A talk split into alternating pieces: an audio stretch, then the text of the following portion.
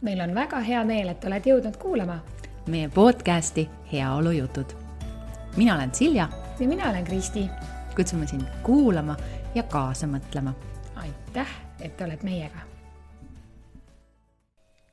tšau, Kristi. tere, Silja. tere, kuulajad hingame hingame selle, selle podcasti alguseks ja rõõm on sinuga jälle täna siin vestelda ja tore, et te meid kuulate ka meil, miks meil läks niimoodi kohe siin energia käima, sest me just alustasime oma teemadel rääkimist ja mõtlesime, et millest me siis teiega täna vestleme ja, ja millest me siis räägime. ja siis pidi panema kohe sellist, et stopp, nüüd tuleb hakata lindistama. just. meil tekkis selline huvitav arutelu, et mille järgi inimesed teevad oma otsuseid valikuid ja, ja just siin eh, hiljaaegu üks treener siis eh, küsis sotsiaalmeedias, et mille järgi inimene valib endale, ma nüüd ei mäleta, kas see oli personaaltreenerit või treenerit äh, vist oli treenerit, ma ka ei mäleta täpselt, see oli ikka juba päris mingi tükk aega tagasi, aga. ja siis oota korraks. nüüd korraks. kuulajad, mille, kes käivad trennis või siis isegi kui sa ei käi, lihtsalt mõtle, mille järgi sina endale valid või valiksid või oled kunagi valinud treenerit ja anname valikuvariandid ka või? anname. ehk siis äh, võtame, et äh, välimus, välimus ja võtame, ehk siis kuidas ta välja näeb ja äh, siis võtame selle, et sa tead, et tal on mingi paber, on ju, et treeneri paber, äh, kutsetunnistus, registreeritud olümpiakomitees, nõnda edasi. see, mis siis veel võib olla? Näed teda trenni tegemas kuskil lihtsalt, et sulle meeldib see, kuidas sõber ta, soovitab. sõber soovitab ja, ja tema energia näiteks võtame neli asja, ehk siis välimus, äh, tead, et tal on treeneri, treeneri paberid. Äh, sõber on, sõber, sõber on soovitanud. või siis energia. ehk olete temaga kuskil näinud või tema mingeid võib-olla postitusi või mm, -hmm. või kuskil trennis näinud mm, -hmm. et sellist neli kriteeriumit. no mille järgi sina valiksid, Kristi? senikaua, kui sa meid kuulad ja, ja mõtled nende nelja seest ma valiksin selle viimase, et ma olen kuskil näinud ja siis noh, mulle on oluline muidugi ikkagi need, vaata, mitte ainult, et see paber teeb, eks ju, ma tahan näha, mis ta on teinud ja siis, või tead, isegi ma ütleksin, et mida ma sinna veel paneksin sinna neljanda juurde, et eh, ikkagi ka nagu see kuvand on ju. Näiteks mina toon siin välja, et kes mulle hästi meeldib ja ta on olnud minu eh, võib-olla viimase aja selline Äh, rohkem nagu pildis avastus, keda ma olen ka ennem muidugi, ma olen temast kuulnud, on Gillian Michaels. on ju, USA treener. niisugune meie vanuses ka mm -hmm. ja, ja see jutt, mis ta räägib, need asjad, mis ta teeb, äh, ka ta ise, eks ole, heas vormis, vot mind kõnetab, aga mulle see meeldib, et tal on ka selline pikk taust seal taga. no vot, Gillian Michaelsit, kes siis ei tea, võib öelda, et Gillian Michael sai ju tegelikult Ameerikas kuulsaks selle tõttu, et ta tegi seda The Biggest Loser te telesaadet ja oli seal siis üks nendest personaaltreeneritest, kes aitas siis neid väga ülekaalus inimesi äh, vormi saada. Äh, ja mina võin sulle siit selle koha pealt öelda, et tänu sellele saatele tema minule ei istu ah nii, aga mina pole seda saadet näinud. väga hea, sest et jah, Gillian Michaels on tegelikult, kui ma nüüd nagu teda vaatan ja jälgin, siis on ta ka väga tore. Äh, et selles mõttes mulle meeldib, mis ta seisab ja ta teeb erinevaid liikumisi, et ta ei ole ainult selline, et, et peab raskuseid suruma ja teeb ikka väga dünaamilist ja kõike seda aga äh, jah, selles saates, et kui me võtame selle saate formaadi, siis seal on ju nii, et seal on ikka väga ülekaalus inimesed, seal on sellised kakssada kilo inimesed, on ju. ja siis nad pannakse jooksma ja hüppama, aga ma mhm. tean, et see on saate formaadi tõttu tulnud, on ju. aga just, et minu pähe, noh, et me ju räägimegi tegelikult sellest, kuidas me teeme valikuid ja milliseid ütleme, eelnevate kogemuste põhjal asju me meeles hoiame ja kuidas see mõjutab meie valikute tegemist tegelikult, on ju. ja vaata, kui hästi see praegu tulebki, sest et äh, mina, kui sa praegu ütled, siis jaa, vist oli küll, aga ma ei ole mitte kunagi näinud seda Ameerika versiooni. ja, ja tead, ma isegi praegu mõtlesin, ma ei teadnud, et tema seal oli treener, aga ilmselt oli küll jaa, võib-olla isegi olen kunagi sellest rääkinud, on ju. et äh,, et jah, ja, ja näed, üks selline, selline väike nüanss sinul ta oli nagu, oligi see, et kuna sina teadsid seda, ilmselt kui mina nagu vaatan ka kõrvalt, kui tõesti sa pead kahesaja kilose jooksma, siis mul tekkis nagu sama tunne, et vau, seda nagu never ever, seda nagu lihtsalt ei saa teha, et siin on nagu killer, on ju. sest, sest ma olen eriti läinud veel läbi selle, selle suure nagu ikkagi pikkade aastate läbi nende praktiliste teemade hästi palju läinud just selle peale, et see trenn peaks olema inimesele noh, ohutu nagunii, aga selles mõttes ka, et, et mitte, et et me hullult siin nagu nüüd vormi. ninast veri välja. ninast veri mhm. väljas ja hullult vormi, kuigi treener rasked, aga et ta peab olema sulle ka noh, hea tunde tekitama, et sul Fun. on valuvabam. sul mhm. selg ei valuta, sul õlg ei valuta, hästi palju õlaprobleeme on muuseas, eriti naistel. väga ja kui me sellest nüüd võime rääkida, sellest õlaprobleemist, mis sa arvad, kust nad tulevad? No ikka on pinged, värgid, särgid, aga kui ma, eh, kui ma niimoodi ütlen, võib-olla nagu kuulajatel ka huvitav, et noh, kuna mind ennast hästi vaata huvitab kogu see sihuke füsioteraapia pool ja, ja et minna nagu natukene rohkem süvitsi seal, eks see on tulnud läbi mul selle body art keha ja meele kontseptsiooni, eks. Mm, aga, aga okei okay,, me võime siin rääkida, me oleme palju rääkinud, emotsioonid, pinged, stress, eks ole, tõusevad ülesse lihtsalt äh, siin on kuulajatele ka, kellel näiteks on seal probleemid, noh, seljaga probleemid või õlgadega, mine peegli juurde, võta endal särk üles, püksid ka, ühesõnaga, et sa näeksid oma puusanukke. ja nüüd vaata, vaatle oma neid puusanukke ja pane kas või oma sõrmed sinna puusanukkide peale võid teha näiteks pastakaga ka kriipsud, noh, et on näha neid jooni, on ju, ja vaata, kas seal on nagu vahe, kas üks puus äkki on natukene kõrgemal kui teine. ja no vot, see on nagu tihtipeale, et inimestel need kehapooled pole, eks ole, võrdsed et, et muidugi siin me võime ka, ma ar-, ma arvan, sa võid kohe mind äh, tõmmata selle piduri peale, et sa ei mõelnud üldse nii, aga ilmselt võib-olla oli, et nagu need emotsioonid on ju, tõstavad õlad üles, õla, õlgade probleemid.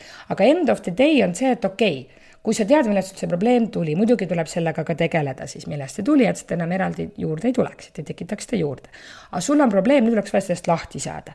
ja mis mina panen nagu tihtipeale tähele mul erinevate klientidega ka, et noh, nüüd tuleb minna tegema pilti, on ju, et kes läheb sinna ultrahelisse, MRT-d, igasugu asjad, on ju, siis põhimõte on see, et no mis vahet see on, kui sulle öeldakse ka, et sul, sul see probleem on, on ju. nüüd tuleb hakata sellega tegelema ja kõige hullem, mis sa saad teha, on see, et sa ei tee mitte midagi just, ehk siis see vanaaegne lähenemine, et kui sul valus on, siis ära liiguta. on ju, et pigem on ju tegelikult vastupidi see, et kui sul on kuskilt valus, siis sa peaksid just seda liigutama, sest et ega see, et sa teda paigal hoiad, ei tee teda paremaks, sest verevarustus ju ka ei parane, kui sa ei liiguta, on ju? ja, ja mul tuleb siin kohe, olin siin nädalavahetusel äh, avalikus saunas ja siis seal istusid kaks äh, naisterahvast, arutlesid omavahel.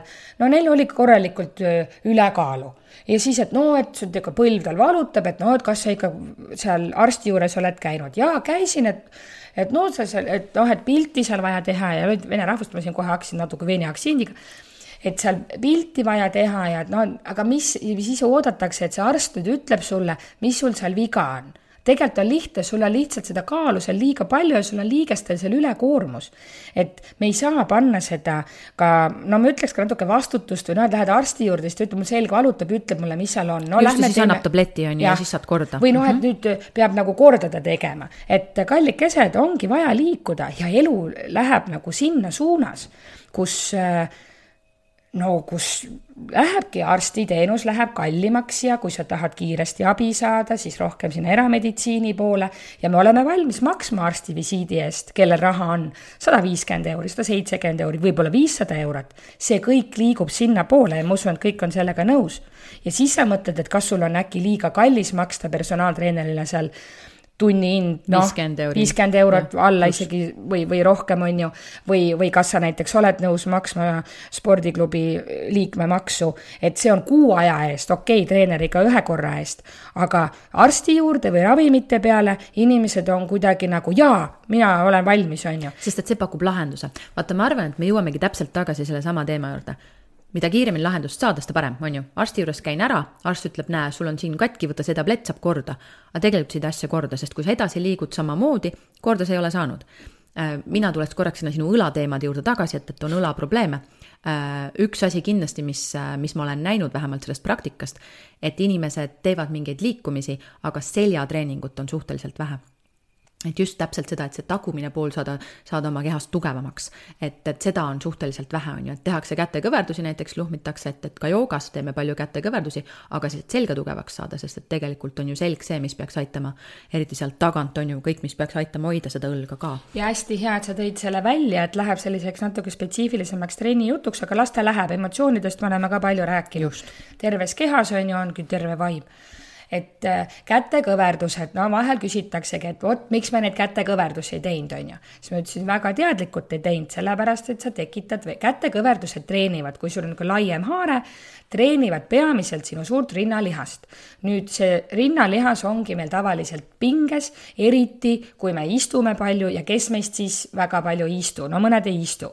suurem osa ikkagi me istume palju, rinnalihased on pinges ja nagu sa ise tõid välja, selja ülaselg, mis on rinnalihase vastandlihased, on nii-öelda siis alapinges. Neil oleks vaja seda tugevust sinna, pingutust sinna. ehk siis tegelikult ega muud väga palju polegi ju vaja, kui sa näiteks ähm, teed sirutuse, viid käed, seljad, proovid neid abaluid nagu natukene kokku viia, on ju, et sellest juba täiesti aitab, sest et see juba aktiveerib seda lihast seal ja jumala okei okay,, et lihtsalt teed seda sirutust, see annab ka sellele rinnalihasele venituse, tõmbad abaluid kokku ja tekitad sellele seljale sinna nõndanimetatud jõudu. et väga palju polegi rohkem vaja selleks, et saada väikeste liikumistega endale head teha ja enne veel mõned õlaringid no,, viis õlaringi eest taha, tagant ette, oled soojaks saanud ka just. ja siis see täpselt see harjutus, mis Silja siin tõi ka. ja eriti, kui veel lähed kõhuli ka, need, siis sa, sa tegelikult ei pea seda ju trenniriideid kelge panema, on ju. aga kui tahad veel kõhuli minna, siis võid veel seal teha eriti hästi, on ju. nii et kõik püsti või just, kõhuli püsti või kõhuli ja tehke harjutusi aga äh, ma loodan, et tegelikult ka, et see, me siin sellest räägime, natukene paneb kedagi mõtlema,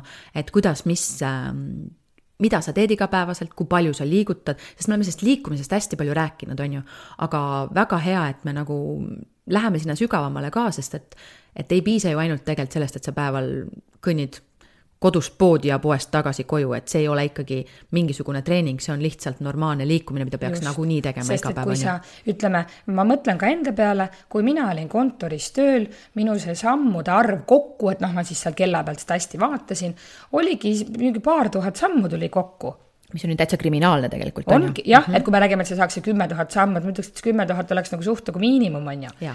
et see on lihtsalt selleks, et sa, et sa natukenegi liiguksid. just ja, ja siit muidugi üks point tuli veel, mis mul juba läks meelest ära, mis ma tahtsin öelda, praegusel ajal ju igasugu külmetus, haigused, köhad, nohud, mis see tegelikult tähendab? immuunsüsteem on meil nõrgem.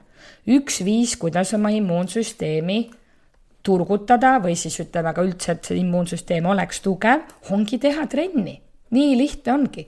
no mul on muidugi iga vastus alati, et tee trenni, aga nii on, ma mõtlen kas või iseenda peale.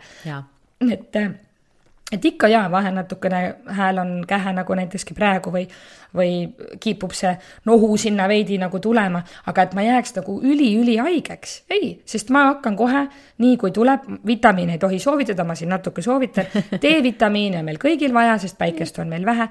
Ja nii, kui sa tunned, et sa hakkad jääma ikkagi nagu natukene seal midagi, ma ei ütleks kohe haigeks, aga vot on nagu urgutust vaja, mhm. C-vitamiini just. ja lihtsalt, et mõelge selle peale, et C-vitamiini on erinevad, teie keha omastab selline kakssada milligrammi ühe tunni, pooleteist tunniga, nii et pigem nagu võtta see tuhat viie portsjoni kaupa, et kahesaja milligrammiste tablettidega näiteks, noh, see on üks variant, on ju. Mhm. või siis, kui muud varianti pole, lihtsalt C-vitamiini võtad. just ja teed trenni. ja teed trenni.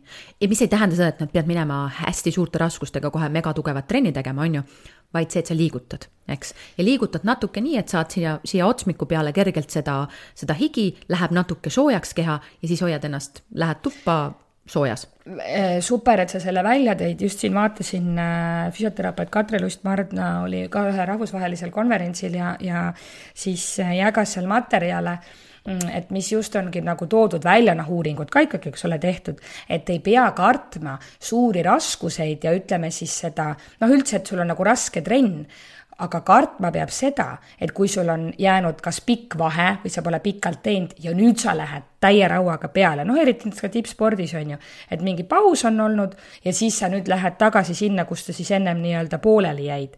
või ka, kui võib, keegi pole pikka aega trenni teinud, ma arvan, et meie kuulajad ei julge küll öelda, et nad pole kunagi teinud, on ju, aga et siis sa alustad alguses rahulikumalt ja siis vaikselt kasvatad, et siin peab nagu võtma seda, et mitte intensiivne trenn, et ta oleks halb, ei ole.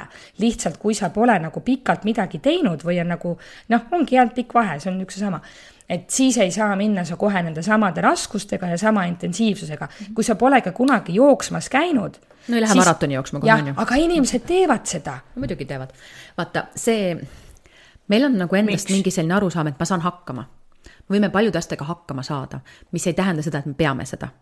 On ju, et see on natuke sarnane, et, et ma saan üksinda hakkama. no palju õnne, et sa saad üksinda hakkama, aga mõtle, kui tore, kui sind keegi toetab on ju, et kõigega ei pea ise hakkama saama ja kõiki asju ei pea tegema sellepärast, et tõestada, et ma saan hakkama.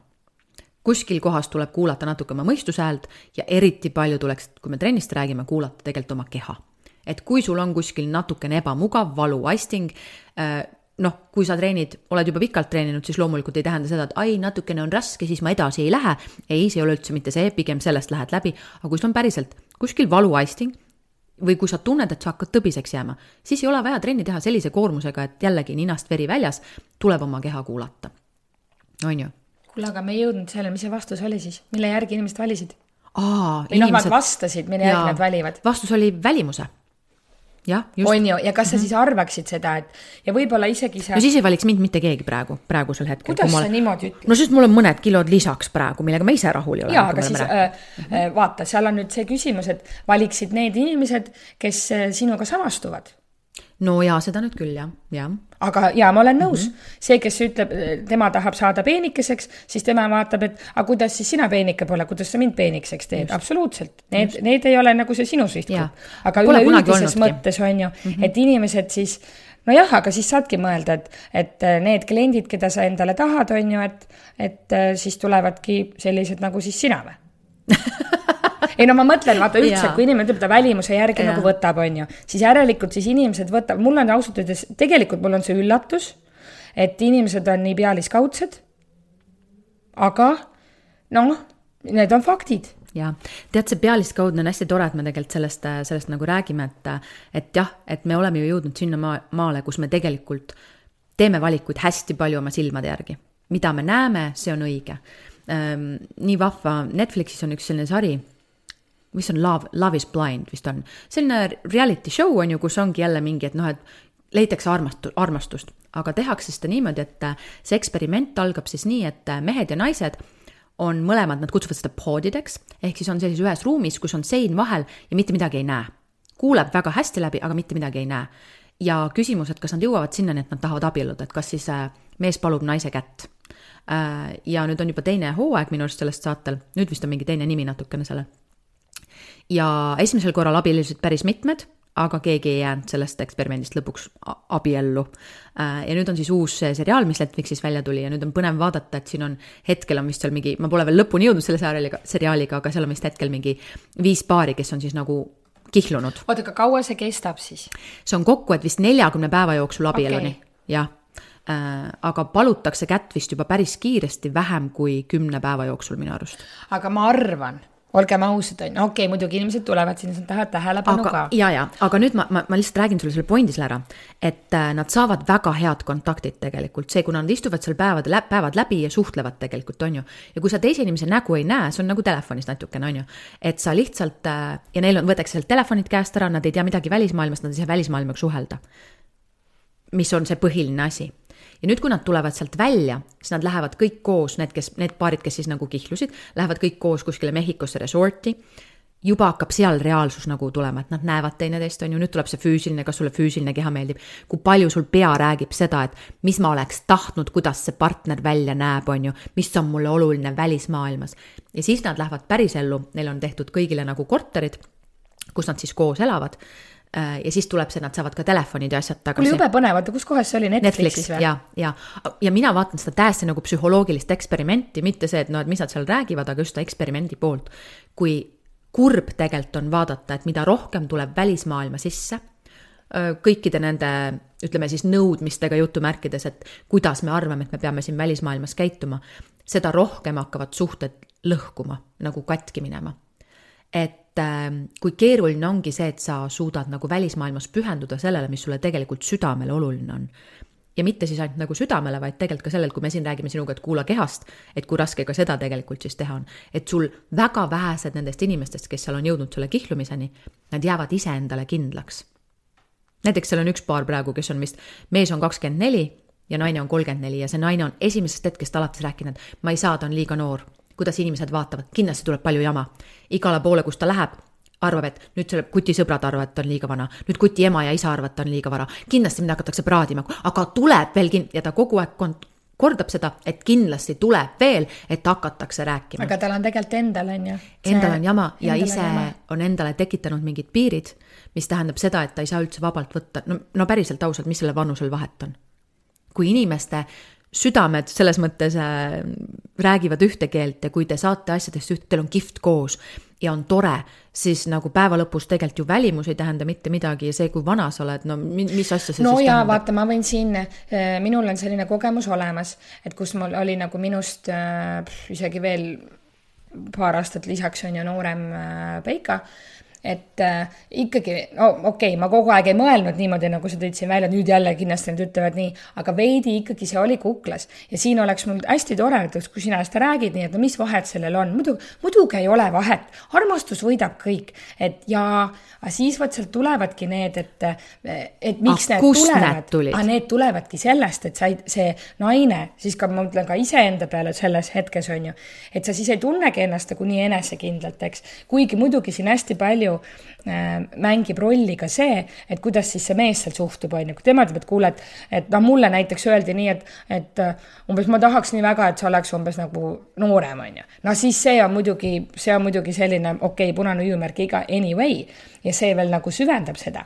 aga võib-olla seal pole selline case, lihtsalt seal tekivadki need, mida me oleme ka sinuga siin varasemalt arutanud podcast ides, et inimesed tahavad ju kuskile sobituda. me tahame olla heas mõttes ju märgatud ja, ja mitte tekitada seda tähelepanu, et noh, et sa ei nagu sina, sina, olla see inetu pardipoeg, kes siis on nagu välja heidetud. mina küsin nüüd selle peale, kust see üldse tulnud on, et naine peab noorem olema kui mees, aga mees ei või olla ei, aga see on see, oota, aga mina selles mõttes ütlen, et see on mõlemat pidi, see on ka see, et näiteks kui sul on, ma ei tea, kakskümmend viis aastat, kolmkümmend aastat, kakskümmend aastat vanem mees ja naine on nagu noorem, on ju. See tuleb? seda aktsepteeritakse ühiskonnas nagu natuke rohkem, eks, see on kuidagi tavalisem, on ju. Et mees on vanem, naine on noorem, on ju, see on suht, suht sihuke tavaline case mm. -hmm. et aga, aga noh, minul on olnud ka selline kogemus. no minu, minul on ka igasuguseid kogemusi olnud, on ju, aga see kogemused kogemusteks, et äh, mina nagu mõtlen lihtsalt selle peale, mis seal päris ausalt, küsin sinu käest ka, kuulaja, mis seal vahet on, kui vana su, su armastatu on või kui vana su sõber või, või elukaaslane on, et nagu päriselt, kui sa nüüd, kui sa nüüd võtad päriselt, kust see tuleb? see Päri- tuleb ainult sellest, et see on mingi ühiskonna surve mida, seal ei, sest see ei tule kordagi, kui ma paneks nüüd, võtan sinu, Kristi, ja võtan mingi selle noorema Peika, paneme teid elama metsa sisse, kus ei ole ei telekat, no okei, võib-olla telekas on, aga ei ole teisi inimesi, pole kontakti mitte kellegagi. kas on vahet, kui vanad te olete? siis ei ole. Just. siis ei ole. just, aga me, vaata, me oleme seda arutanud siin ka, et äh, kui sa elad seal äh, noh, kasvõi ütleme erinevate, ma ei tea, maagidega või, või et teinekord on, elavad nagu natukene liiga palju seal pilve peal ja peaks olema rohkem kahe jalaga maa peal et sa kuidagi, et sa nagu ei adu seda, et su ümber on ikkagi see nii, nii-öelda nagu, kes ütleb, mis see päris on, on ju. et noh, kuidas me siis nimetame. Aga et sa oled nagu siin, kus need kõik teised inimesed on ka, et sa Maises pead maailmas. nagu siia, siia äh, ellu ja, ja ümbritsevasse suhtuma ja mitte suhtuma suhe, sellega, ütlen nüüd see õige sõna. no sellega suhestuma Suhestuma, selles, siin- ja sellega hakkama saama. et sa pead sellega hakkama saama ja kui sa oled nagu väga teistmoodi või kuskil täitsa nagu omamoodi eladki seal metsas kahekesi, siis on väga okei okay. Aga siis, kui sa pead teistega koos olema seal, siis ei ole ja millest siin, mida ma veel nagu ütlen, et okei okay,, ma olen sinuga nõus, et need tulevad nagu sealt kõrvalt, on ju, aga kui sa oled pikemat aega inimesega koos ja nüüd, kui seal tekib selline vanusevahe, siis seal on paratamatult, meil kõigil on, me oleme ka sellest rääkinud, eks ju, meil kõigil on oma kogemused, oma kogemuste pagas. ja ikkagi kahekümnendates meil on ühed väärtushinnangud, kolmekümnendates on teised, samamoodi kuuekümnendates on ühed, neljakümnendates teised. ma olen sinuga väga nõus, Kristi, ma lihtsalt katin su sellepärast ära, et äh, ma olen, ma olen sinuga nõus täiesti, et need on erinevad kogemused. ent ähm, kui me vaatame nüüd nagu päris seda kohta, et kust kohas need kogemused mängima hakkavad, siis need kogemused tegelikult ei mängi nii palju rolli selles suhtes, vaid mängivad rolli selles suhtes seose äh,, ütleme selles suhtes, kui me suhestume ümber ülejäänud olevasse maailma, on ju. et meie kahe vahel ei ole sellel vahet, aga kui me nüüd hakkame vaatama, mida me siin elus tahaks teha või kuidas me saaks oma sõpradega või teistega suhestuda, siis mängib see no vanusevahe vot, ja rolli. siis tulebki, kahekesi metsas ei ole vahet, aga paljud meid siis elavad seal kahekesi metsas. me elame ikka teiste inimestega koos, sest et inimesed on karjaloomad. Mõned on läinud jaa. kahekesi metsa ka, absoluutselt. Elavadki seal happy ever after. ja nüüd, kui me võtame selle, et, et oleme karjaloomad, siis kas karjaloomad peavad alati selle järgi minema, mis juba ülejäänud on? Või äkki võiksid teised ülejäänud minna selle järgi, mis need esimesed nüüd on? nojah, aga see on selline, kuidas ma ütlen, ideaalne maailm, niisuguste ideaalide poole püüdlemine absoluutselt, aga kui me vaatame siis, kuidas loomad käituvad, okei okay,, inimene ju, võime võtta nii, et inimene pole loom või inimene on nagu loom. no ikka vist on, ma no, arvan et siis, siis äh, samamoodi on ju, et me ikkagi teeme ju nii ja seda niivõrd paljudes kohtades isegi erinevad sellised uuringud on ju, et, et kui sul on, sina tead õiget vastust ja, ja neli tükki või noh, sa ei tea seda õiget vastust, küsitakse mingit vastust, sina saad ühe vastuse, neliteist saavad hoopis teise vastuse, siis kas sa nagu julged nüüd öelda, et sinu vastus on nagu teine? kahtlema, absoluutselt. hakkad kahtlema. ja see on see, see on see suurema, ja see on see suurema selline suurema uskumine on ju nõndanimetatud nagu selle massi uskumine ja ka see, et endas ei, endas puudub see tegelikult see enesekindlus ja eneseusk suurel määral on ju. et ma arvan, et need inimesed, kes suudavad ka nendes suhetes, kus on vanusevahed ja kus on võib-olla mingid muud erinevad äh, noh, maailma suhtumised ja noh, mis iganes, inimesed on teistmoodi, ütleme, kui siis nagu hall mass et kus nad suudavad jääda iseendaks, tegelikult ongi hästi see, et on endaga palju tööd tehtud ja tegelikult ei, ei määra enam see, mis su ümber on. ja vaata siit, äh, mina nagu võtaksin siit selles mõttes nagu kokku, et äh, siis ongi, kui inimesed on juba küpsemas eas, noh näiteks võtame seal vanus kuuskümmend ja nelikümmend või, et siis ollakse juba rohkem käidud mööda erinevaid radu ja see teadlikkus on läinud palju suuremaks noh, kuigi vaata, ma mõtlen nagu konkreetne case. no mina arvan sul... tegelikult ei ole üldse, selles mõttes ei ole üldse vahet. aga võta see kakskümmend neli, kolmkümmend neli, kahekümnesed on fa-fa, näpud püsti, see võib-olla seal ütleb küll, kõik on väga tore. aga see kott kusjuures ei olnud üldse. aga ta võtabki niimoodi, et no ma ei tea, ma pole mm -hmm, näinud, mis ta arvan, on ju. et võtabki nii, et jaa, et mis siis vahet sellel vanusel on, et kõik on, kõik on võimalik, kõik on äge, let's do it, on ju. see kolmkümmend neli on see vanus, kes pole veel päris ennast leidnud tal on palju neid selliseid, et äkki juhtub see või teine, ta juba on küpsem, aga ta veel päris pole leidnud, ta laseb hästi palju ennast mõjutada erinevatest asjadest. hästi, hästi inimeses kinni. no eks ta alati on, aga üldjuhul ju, mida vanemaks me saame, seda no võiks ju nii olla, et oleme ja, siis vot mina ei taha seda sinna tõmmata, sest et mm, mm, see on sama hea, et see, et naised peavad kodutööd tegema ja mehed, mehed Miks istuvad baaris ja, ja, sest et see vanus on olemas kaheksateistkümnesed, kes on kõvasti targemad kui kuuekümnesed ja on olemas äh, nagu kaheksakümnesed, kes on megaägedad ja, ja kaheksateistkümnesed, kes ei ole, on ju. et ma arvan, see on ikkagi väga inimeses kinni, ennekõike, kas ta tahab ja kas ta on nõus välja astuma sellest kestast, mis ta, kus ta võib-olla nagu kas pere või, või oma keskkonna poolt pandud on, aga see ongi see küsimus, kas tahetakse iseendaga tegeleda. ja et kas on seda julgust, et noh, okei okay,, vanaema tegi nii, aga mina ei lõika saial otsasid ära, sest et mul on suurem pann olemas, ma ei pea neid otsi ära lõikama, on ju. et ähm, kas on üldse tahtmist vaadata enda sisse ja, ja mõelda, et noh, jah, aga ma proovin. et vaata, ma arvan, et asi ei peagi olema nii, et see ma teen ära ja ma saan hakkama, jällegi tuleme selle hakkama juurde, hakkama saamise juurde, on ju. aga küsimus, et oota, ma vaatan, ma proovin, ma testin. võib-olla läheb luhta, aga ma annan sellele võimaluse et ähm, noh, kui keegi nüüd hakkab vaatama seda seriaali, siis näete ka, et see kolmekümne nelja aastane, see ei anna nagu võimalustki. et ta kogu aeg manifesteerib seda, et see läheb metsa. ja see on minu jaoks nagu hästi kurb. et kui sa juba alustad sellega, et nagu, aga nagunii on probleem. no. jaa, absoluutselt, ma äh, selles mõttes, ma olen täiesti mm. sinuga nagu nõus, et noh, et nii nagu ei peaks tegema ja siis ma samal ajal mõtlengi, et, et äh, vot see kahekesi metsas ongi väga lihtne, aga siis, kui sa tuled sinna tavapärasse rutiini, no väga lihtsad asjad, muusikaline maitse mm, -hmm. et. aga see võib no, metsas ka väga räme olla nojah, aga vaata, aga vaata, ütlemegi, mina -hmm. mõtlen, et see muu-, metsas pole muusikat, telefoniga pole midagi, ümbritsevat maailma pole, on ju.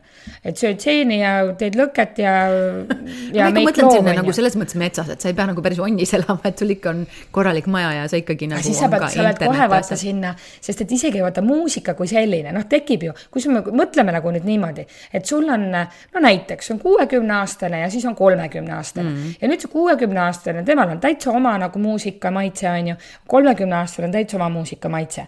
ja siis sa alguses mõtled küll, et nagu pole nagu vahet, on ju. no kuulame seda ühte, on ju. no siis kuulame teist, et meet in the middle.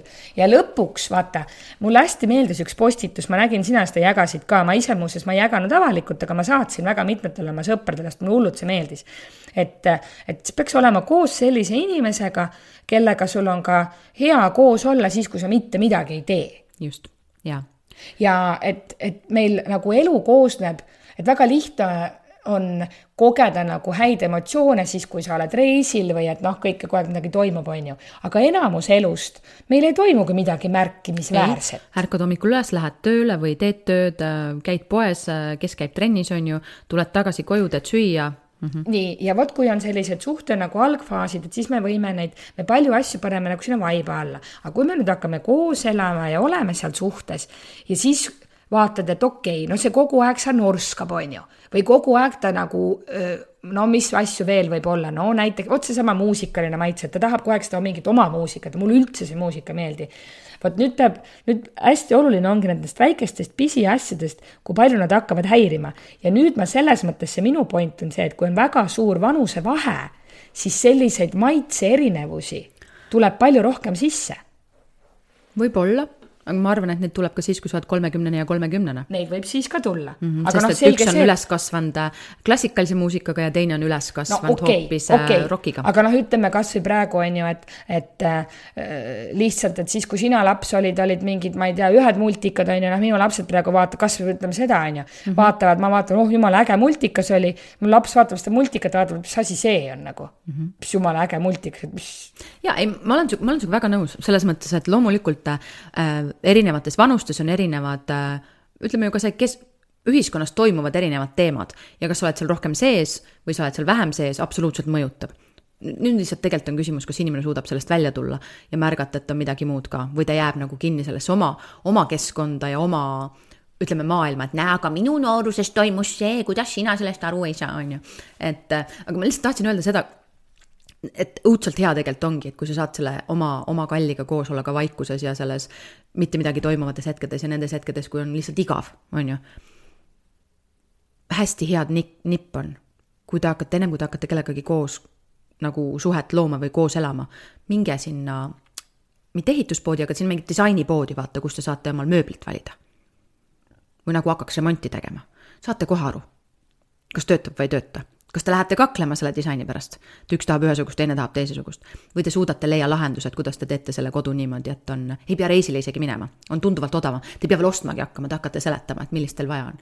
Et kui te suudate selle olukorra ära lahendada nii, et te suudate näiteks, ma ei tea, mingi uue magamistoa mööbli endale välja mõelda ja lahendada, et näe, võiks seda, seda lahendust teha või sellise remondi teha, siis ma arvan, et töötab. sest et kui te lähete, noh, okei okay,, võib ju nagu ka jutumärkides kakelda, on ju, aga kuidas siis selle kakluse ära lahendatakse no, on see küsimus. ma tahtsin öelda, et, et äh, nii hea soovitus ja siis ma hakkasin mõtlema, et okei okay,, aga kuidas see nagu praktikas päriselt välja näeb, sest et tihtipeale ongi see, et, et need ongi nagu head soovitused ja need kõik absoluutselt noh, et sa näed sealt ära, et kui ei lähe see maitse seal kokku, on ju. aga millal me sinna äh, poodi jõuame? umbes jõu... teisel date'il no või jah, kolmandal. nojah, aga vot siis ütled, et kuule, davai, lähme sinna disainipoodi, eks peab kuidagi kavalalt seda sättima. aga põhimõtteliselt, millal me, ütleme, kui mööblipoodi räägime, millal me sinna jõuame, reaalselt siis, kui hakkate juba kokku kolima, on ju, või no, noh, mõtled siis olete koos ja, ja siis hakkate nuputama.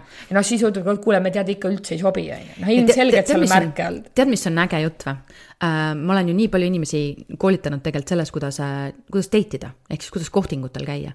ja kuidas valida seda enda kõrvale seda partnerit nendest noh, suurest võimalikust potentsiaalsetest uh, variantidest. ja mu käest nii tihti küsitakse, ma ütlen, number üks asi on, sa pead teadma, kas teie väärtused sobivad no issand, aga millal me siis sellise teemaga, mul ei sobi ju esimesel date'il seda küsida ja mul on nii, et no millest sa siis seal veel räägid? nagu mingitest muinasjuttudest või? loomulikult esimesel date'il toodki lauale see, et kuule, millised on sinu põhiväärtused, mis sul oluline elus on? kui sa esimesest date'ist ei hakka rääkima tähtsatest asjadest, siis millal sa seda veel teed? siis lähedki, äh, ma ei tea, kuus kuud läheb mööda, ikka kogu aeg on lõbus ja siis hakkate kokku kolima, siis tegelikult saad aru, et ei sobi. no point on ju selles, et sa saad võimalikult ruttu saad selgusele selle, et kas meil üldse on mingisugust ütleme seda common ground'i inglise, inglise keeles, et seda nagu ühtset põhja, mille pealt ehitama hakata. aga kui minu põhiväärtus on hoopis ühesugune ja sinu põhiväärtus on hoopis teistsugune, kuidas me kunagi saame kuskil rahu leida ja, ja koos olla? et siis me ju kas kogu aeg ainult kaklemegi ja siis noh, võib-olla on eriti hea siis see nagu see make-up seks on ju, et, et pärast kaklemist seks on võib-olla hea, võib-olla siis oleme sellepärast koos. aga tegelikult on ju idee selles, et esimest korda, kui me kokku saame, siis me oleme need versioonid, keda me tahaksime suhtes olla. ehk siis mitte see, et naine läheb teidile ja lööb ennast nii üles, et ise ka pärast aru ei saa, et kui ilus ma võin nagu üldse kunagi olla, on ju. ja hakkan rääkima ainult nendest asjadest, mis ideaalis on. vaid tegelikult olen kõige õigem ja ausam versioon minust või siis selline versioon, kes ma tahan selles suhtes ka edaspidi olla, kelleks ma kasvada tahan jah, ja siis me jõuame selleni, et, et naised äh, hästi palju teesklevad, teesklevad orgasme, äh, värvivad ennast, ei julge olla, et mõni ei julge isegi, et mõtle, mu mees ei ole mind kunagi ilma meigita näinud. just, tõusevad varem üles. varem üles, et teed endale meigi, eks mm -hmm. ju, või et alati peab olema see mis ei ole ju tegelikult paha, et inimesel meik, nagu et ta meigib ennast, see on ju ilus, see on jumala okei okay,, ma ei ole üldse selle vastu.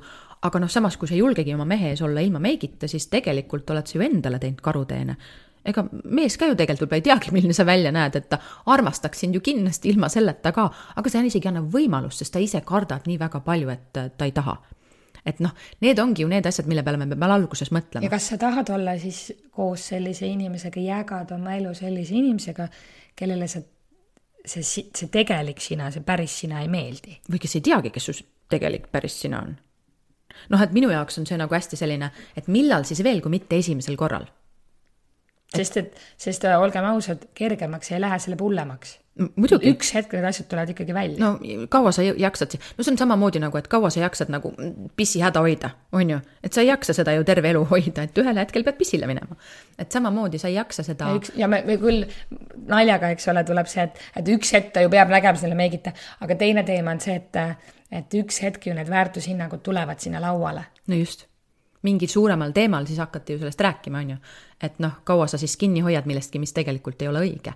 mul on hästi põnev vaadata, et kui sina näiteks tõid eh, toreda näite, et eh, või noh, nagu soovituse, et minna kohe sinna disainipoodi, mööblipoodi, siis äh, kui inimesed juba on koos, vaata, ja siis hakatakse nagu kokku kolima ähm,, siis ma olen jõudnud selleni, et äh, kõige õigem siin ilmselt ongi minna nii, et mitte üks ei koli teise juurde vaid võetakse täiesti uus koht, sest siis mõlemad, vaat me oleme seda ämbri teemat rääkinud, on ju, et mõlemad peavad panustama, sest muidu on alati see, et ühe poole on nagu see kaalukauss rohkem. Ja mul on praegu, kuna mul just üks sõbranna niimoodi kolis kokku täitsa uuele pinnale, siis mul on hästi põnev hakata seda nüüd kõrvalt jälgima, et kuidas nagu läheb mm. -hmm. et kuidas see mööblipoes käimine siis, äh, kui, kui, kas lõpeb riiuga või tullakse koju mõne mööbliesemega? selle mööbli kohta on juba igasugu toredaid selliseid Aha. seal naljakaid seiku jah, et kuidas vaata, et tuleb naiselikku kavalust natuke kasutada, on ju, et kui keegi võtab nagu oma mööblit tahab kaasa võtta ja siis kuidas on ju, et võib-olla see sobib just sinna, sinna, see on kamorka või kuidas öeldakse. külaliste tuppa jah, et sinna sobib väga hästi see pilt. just, jah, jah Eh, no minul on selle kohta selline, selline nipp, mis on aastate jooksul välja kujunenud, et äh, ma lihtsalt lasen lahti. millest? asjadest.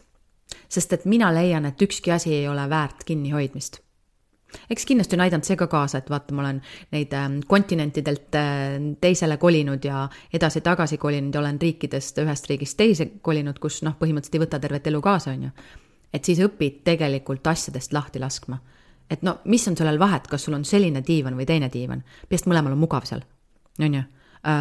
mis on tegelikult vahet, milline pilt sul seina peal on, kui see mõlemad vaatavad, kuule, siia sobib. ja nagu, miks ma peaks kinni hoidma, et mulle see ei meeldi, kui talle nii väga meeldib ja kui see noh, päriselt ei ole mingi selline, mis mind nagu iga kord noh, vabandust väljendus, aga oksendama ajab, siis no tegelikult ei ole ju vahet, on ju. nojah, aga praegu need, kellel näiteks on olnud probleem, siis nad ütlevadki, et jah, mul täpselt niisugune tunne ongi, iga kord peab oksendama, kui vaatan. jah, aga siis ütledki, siis ütle, vot siis peab olema see suhe sellel maal, kus saad öelda, tead mis ma õudselt tahaks, et sa võtaksid selle pildi, aga päriselt mul on iga kord selline tunne, et ma vaatan ja ma hakkan nutma või mul tekib nagu kabuhirm peale, et palun ära võta seda pilti. jah, ja siis teine ütleb, et oi, see pilt on mulle nii, ta on ennem rääkinud, sa pole mm -hmm. sellest jõudnud öeldagi, et vot see maal on minu südamemaal ja siis ma ei tea, kes on selle kinkinud või kust see on tulnud või ma ei tea, palju raha mm -hmm. sellest on makstud ja mis iganes põhjusel see on ostetud ja mis emotsionaalne väärtus sellel on. ja siis sa ei ütle talle, et kuule, sa ajad mind oksendama. ütlen tead, sellepärast, et, et päris ausalt ütleksin, sellepärast, et ükski asi ei ole väärtuslikum kui suhe selle inimesega. see on ainult asi. jaa, see võib olla maailma kõige kallim maal, no müü maha, investeeri mingisse muusse maali. jaa, see võib olla kellegi poolt kingitud, so what, sul on see mälestus olemas. no okei okay., ja siis küsime seda, et, et meil kõigil on ju no okei okay,, vähem-rohkem, aga mingeid eelmisi suhteid ja no. ilmselgelt, kui nad on eelmised suhted, me ju kunagi ei lähe suhtesse selle mõttega, et see saab nüüd varsti läbi. no muidugi mitte. eeldatavasti ja. võiks nagu nii olla no, ideaalses maailmas. loodetavasti jah mm. -hmm aga ometigi need eelmised suhted on ju läbi saanud. kas sa siis nagu oled valmis ja mida vanemaks me saame, seda rohkem sellised asjad tulevad ju pilti. et okei okay,, ma nüüd näed sinu jaoks siis selle pildi jätan maha, kuigi see pilt on mulle läbi aastate olnud kogu aeg minuga koos, on mulle väga, väga kallis pilt. sina oled mulle kord, ka väga kallis. küsin veel kord, mis selles pildis nüüd nii olulist on? pane siis sellesse seif, kuskile panga seifi äh, pane endale kuskile seifi, seda välja ei võta ja kui juhuslikult suhe läheb katki, siis on sul see pilt endiselt olemas see oli point, mul pean ütlema siia kõrvale, et mul ei ole endal ühtegi maali. jah et ma ja. ei tea, aga mulle tundub see hea plaan. sest et nagu päris, päris ausalt, kuidas saab mingi asi olla tähtsam kui sellest, et ma loon uut suhet? Ja kui sa tahad seda alles jätta, siis pane kuskile no,, oli... pani paika. jumala hea nipp, on ju. ja kui see suhe läheb pekki, lähed jälle, võtad oma pildi, paned seinale, kõik on hästi. ja kui on järgmises suhtes ka ei meeldi see pilt, paned jälle ja. sinna seifi tagasi et hoidke seif ka alles. või tegelikult siit tuleb veel see, et igalühel võiks olla oma seif, kuhu panna asjad, mis kaaslasele ei meeldi. mina ütleks selle peale, õppige lihtsalt asjadest lahti laskma, on palju lihtsam, ei pea seifi olema, ei pea mingisuguseid asju olema, sest päriselt, no ausõna kingi siis kellelegi teisele see või nagu noh, kuidas saab asi nii palju tähtsam olla? ma lihtsalt päris ausalt küsin, et ma küll ei oska öelda, et mul oleks mingisugune asi, mis oleks nii tähtis.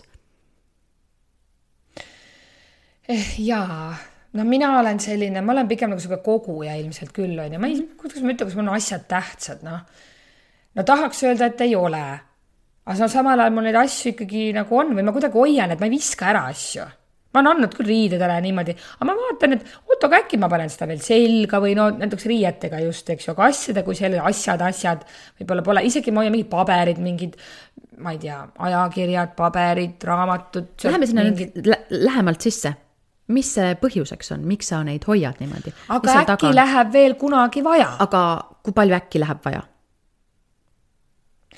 päris ausalt mm. -hmm mina küll võtan, olen kandnud neid asju, mis mul on siin kümme aastat vanad ja isegi vastu veel. kas kõiki nendest? ei, mitte kõiki nendest mm. -hmm. see oli nii toredalt. ja, ei, mitte kõiki ja kui nendest. ma, ja ma olen ära andnud, ma siin ikka, kui ma kolisin, ma andsin väga palju asju ära mm -hmm. ja, ja siis ma ikkagi olen mõnda asju mõelnud, et vot kui see nüüd oleks, siis ma praegu just paneks selle selga. aga tead, miks või? sellepärast, et siis, kui sa seda ära andsid, siis sa nägid seda asja ja siis see lihtsalt tuli sulle meelde.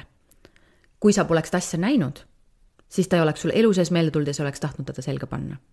et see on hea näide näiteks sellest, et kui sa lähed reisile ja saad võtta kaasa ainult kolme riideeset reis on näiteks kolm nädalat, sa kannad neid kolme riideeset, võib-olla vahepeal mõtled, et oi kui tore oleks, et oleks teine riideese, aga saad ju hakkama selle kolme riideesemega. järelikult on võimalik hakkama saada, see on jälle kinni meie peas.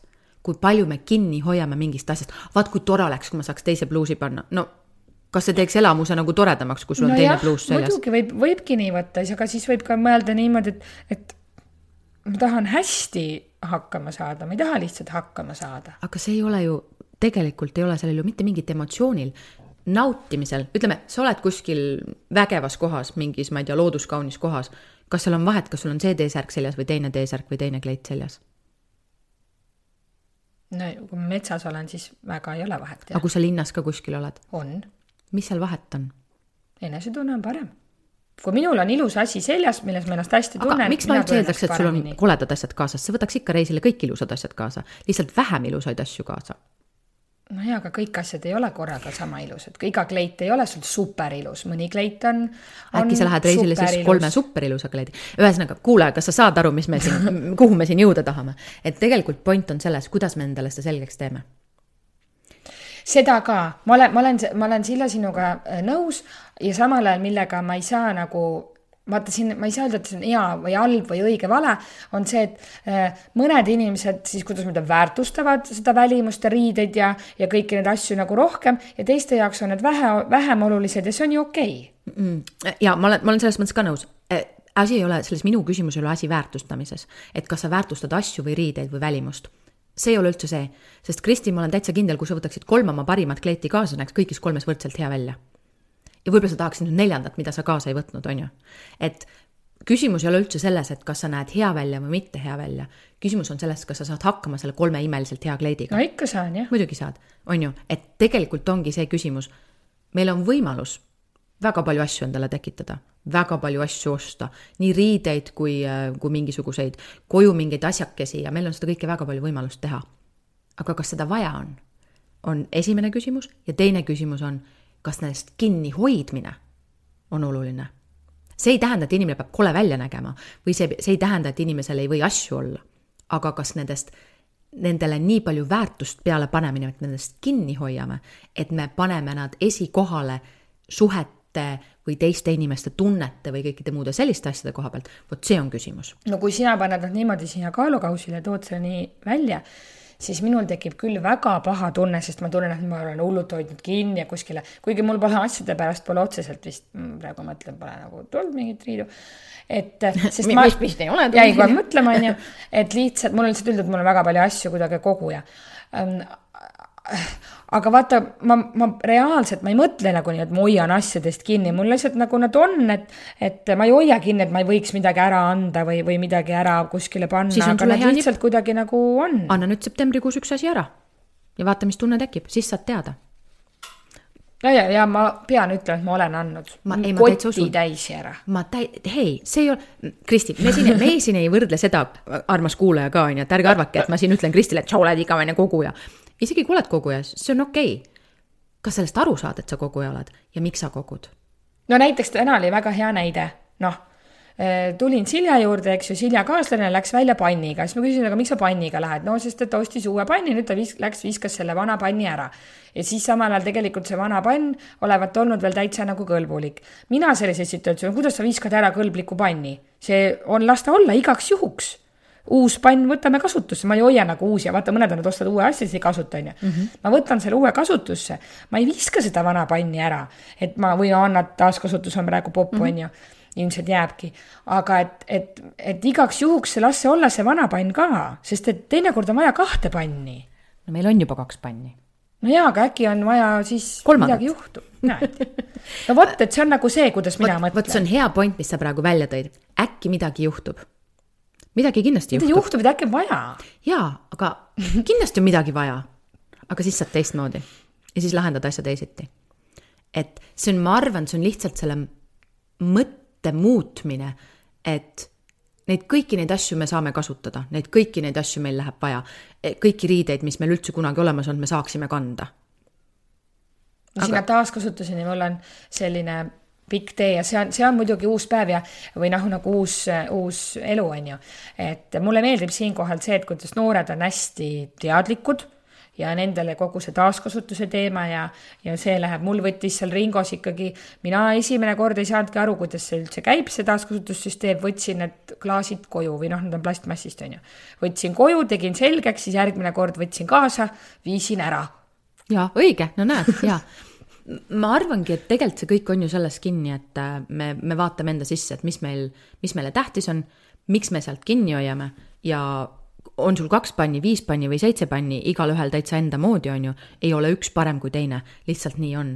Ähm, õnneks, kui sul on suhteliselt väike elamispind, siis on väga hea, äh, vahel on vaja ruumi tekitada, siis annad kergemini lahti. et äh, pigem on võib-olla nagu see, et õppida endale oskust lahti laskma ükskõik millega siis, olgu see siis kas äh, mõtetega, tegevustega, asjadega, et me ei hoiaks, hoiaks millestki kinni. suhetega. just, sest et tegelikult on ju oluline aru saada see, et mitte midagi ei ole jääv. on ju? täna oli selline ilm, homme on selline ilm, noh, kogu aeg muutub, hinnad muutuvad, asjad muutuvad inimesed muutuvad. me mõtleme, äkki see on mingi selline mentaliteet ka, mis kuidagi tuleb, vaata meil ju vanasti ei olnud äh, väga midagi saada ja siis sul ongi see mingi telekas ja raadio ja need kakskümmend aastat, eks ole et ükskord ostsid, siis oligi ja, ja kuidagi saada ka polnud, siis eriti hoidsid nendest asjadest kinni. et miks ma arvan praegu, et miks näiteks noorematel ei olegi seda, sest nendel on kogu aeg olnud, neil pole olnud nagu niisugust puudust, on ju et kogu aeg on peale ja sul pole põhjust olnud mõelda. ja muidugi seda me oleme siin ühes podcast'is ka puudutanud, et, et tegelikult see vene aeg, kus me elasime, kus ei olnud väga midagi saada, me olime siis ka palju loomingulisemad et selles mõttes nüüd ja mõelda, et kas see loomingulises võib-olla inimestes on nagu natukene vähemaks jäänud, eks ju ah,. on, on, tead, mul on hästi hea näide. mul just õppejõud ütles, ta on, elab USA-s, ta mees on usakas, ütleski disainiauhinna või mingi hullu innovatsiooni auhind anti seal mõned aastad tagasi seal tema kohas, kus tema elab, anti kompostimise eest. noh, see oli ikkagi innovatsioon komposteerida, on ju, noh, aga meil siin, eks ju, me oleme sellega harjunud ja vot see nüüd näitab tegelikult, kuhu on jõutud, on ju. ehk nüüd küsimus õhku, et äh, me oleme siin olnud hästi innovatiivsed eestlased. et äh, loodame, et see jääb nii.